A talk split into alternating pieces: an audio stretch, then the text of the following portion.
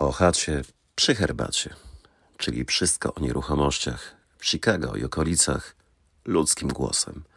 Zaprasza Tomasz Święch. A mnie się marzy kurna chata Zwyczajna izba zbita z prostych desek Żeby się odciąć od całego świata Od paragonów, paragrafów i wywieszeń Witam serdecznie, nazywam się Tomasz Święch i jestem licencjonowanym brokerem obrotu nieruchomościami w stanie Illinois. Zapraszam na pilotażowy podcast, który w zamiarze traktować będzie o ciekawostkach związanych z rynkiem nieruchomości w Stanach Zjednoczonych, ze szczególnym uwzględnieniem stanu Illinois.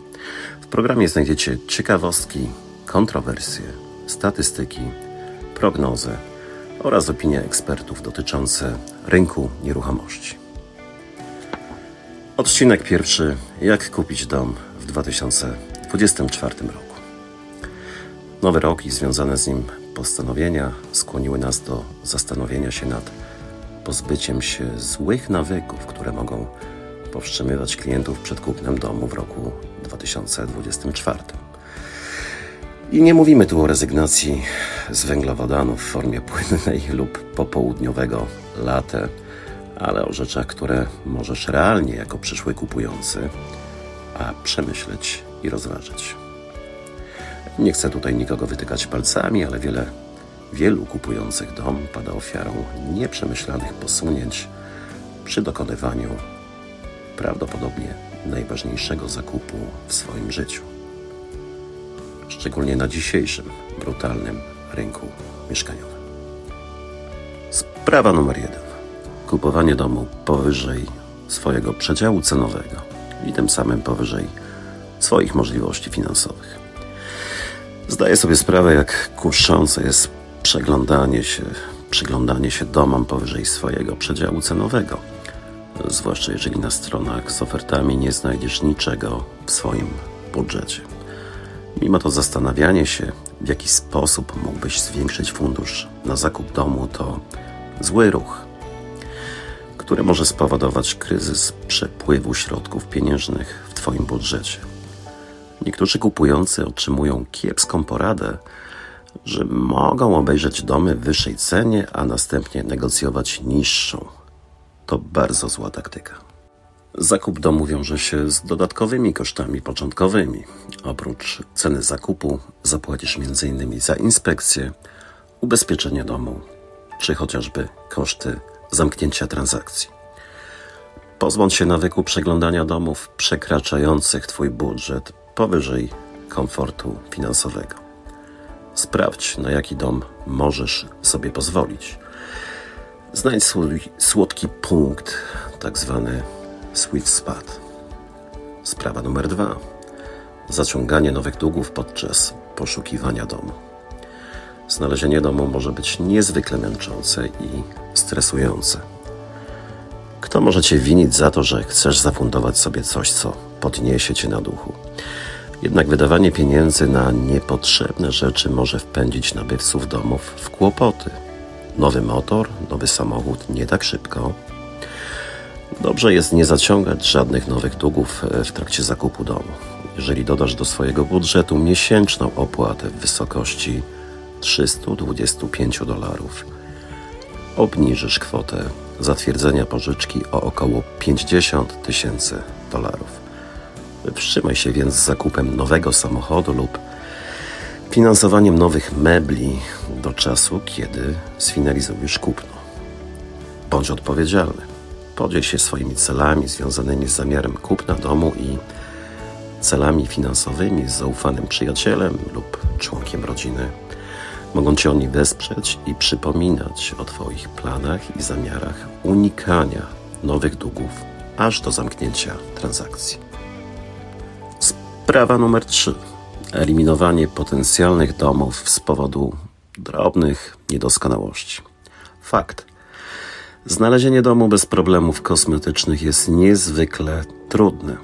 Zamiast perfekcyjnego domu, jak z marzeń, prawdopodobnie wejdziesz do sypialni z odpychającym muralem z lat 70., który wywołuje wzdrygnięcie, lub zwiedzisz dom z brudnym dywanem Te uczucia mogą sprawić, że natychmiast skreślisz jakąś nieruchomość ze swojej listy. Zamiast to robić, e, spróbuj wyobrazić sobie, jak dom mógłby wyglądać przy odrobinie wysiłku i nakładu finansowego, lub zaproś przyjaciela, który jest fachowcem, któremu ufasz, który widzi potencjał i zalety domu wymagającego drobnych napraw kosmetycznych. Jeśli problemy w domu są nieco bardziej złożone, poproś wykonawcę, kontraktora o wycenę naprawy tego, czego po prostu nie lubisz. Jeśli jakiś problem wpływa na funkcjonalność domu lub możliwość korzystania z niego, Twój agent może i powinien postarać się wynegocjować naprawienie tego problemu lub e, wynegocjowanie kredytu na jego naprawienie przed przejęciem nieruchomości. Sprawa numer cztery. Kupowanie domu pod ulubione meble. Ciężko w to uwierzyć, ale znajdują się również klienci, dla których to jest istotne. Ciągle znajdujesz niemal idealne domy z jednym wyjątkiem. Twój ukochany, miękki, przestronny komplet kanap, w którym spędziłeś wiele nocy ze swoim pupilem, oglądając Netflix, po prostu nie pasuje. Poważnie rozważyłbym zakup nowych mebli. To samo dotyczy wymiany zbyt dużego stołu w jadalni lub łóżka typu king size.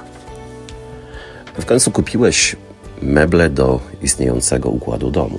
W nowej przestrzeni stare meble może nigdy nie będą już wyglądać tak dobrze, niezależnie od tego, jak bardzo będziesz się starać ją dopasować. Jak mówią, poślub dom, a rozwiedź się z sofą. Byle tylko nie z żoną. Sprawa numer 5. Obrażanie sprzedawcy domu. Kupno lub sprzedaż domu może być bardzo emocjonalnym procesem dla obu stron transakcji.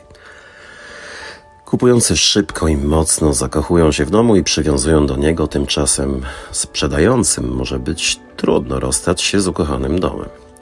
Nie obrażaj właściciela domu, krytykując wystrój czy stare szafki w kuchni, myśląc, że dostaniesz lepszą cenę. Sprzedaż kupno domu to bardzo emocjonalna sprawa po obu stronach umowy. Inteligencja emocjonalna zwycięży za każdym razem. Kultywując atmosferę szacunku i rozwagi, zwiększasz swoje szanse na pomyślne negocjacje oraz budujesz zaufanie i dobrą wolę ze strony sprzedawcy, co może być nieocenione przy rozwiewaniu potencjalnych wątpliwości, niedomówień, negocjacji, chociażby po profesjonalnej inspekcji. I wreszcie sprawa numer 6. Korzystanie z usług nieodpowiedniego agenta. E, zamiast przyprawiać się o ból głowy, porozmawiaj e, z kilkoma i wybierz tego jednego, któremu czujesz, że możesz zaufać, który będzie spełniał Twoje oczekiwania, który, wobec którego masz przeczucie, że będzie godnie reprezentował Twoje interesy. Zaufaj swojemu profesjonaliście i porozmawiaj z nim jak najbardziej szczerze i szczegółowo. Czego szukasz, jakie masz oczekiwania, e, jakie masz obawy, e, co wzbudza Twoje wątpliwości. Im więcej szczegółów na ten temat, co akceptujesz, a czego nie akceptujesz w swoim domu, tym lepiej. Zawsze możesz pójść inną drogą, jeśli uważasz, że nie jesteś właściwie obsłużony. To wszystko na dziś. Zapraszam już za tydzień na rozmowy o chacie przy herbacie. Dziękuję za uwagę. Będzie się działo. Tomasz Święch. A mnie się marzy kurna chata. Jemu się marzy kurna chata. Czy wam się marzy kurna chata?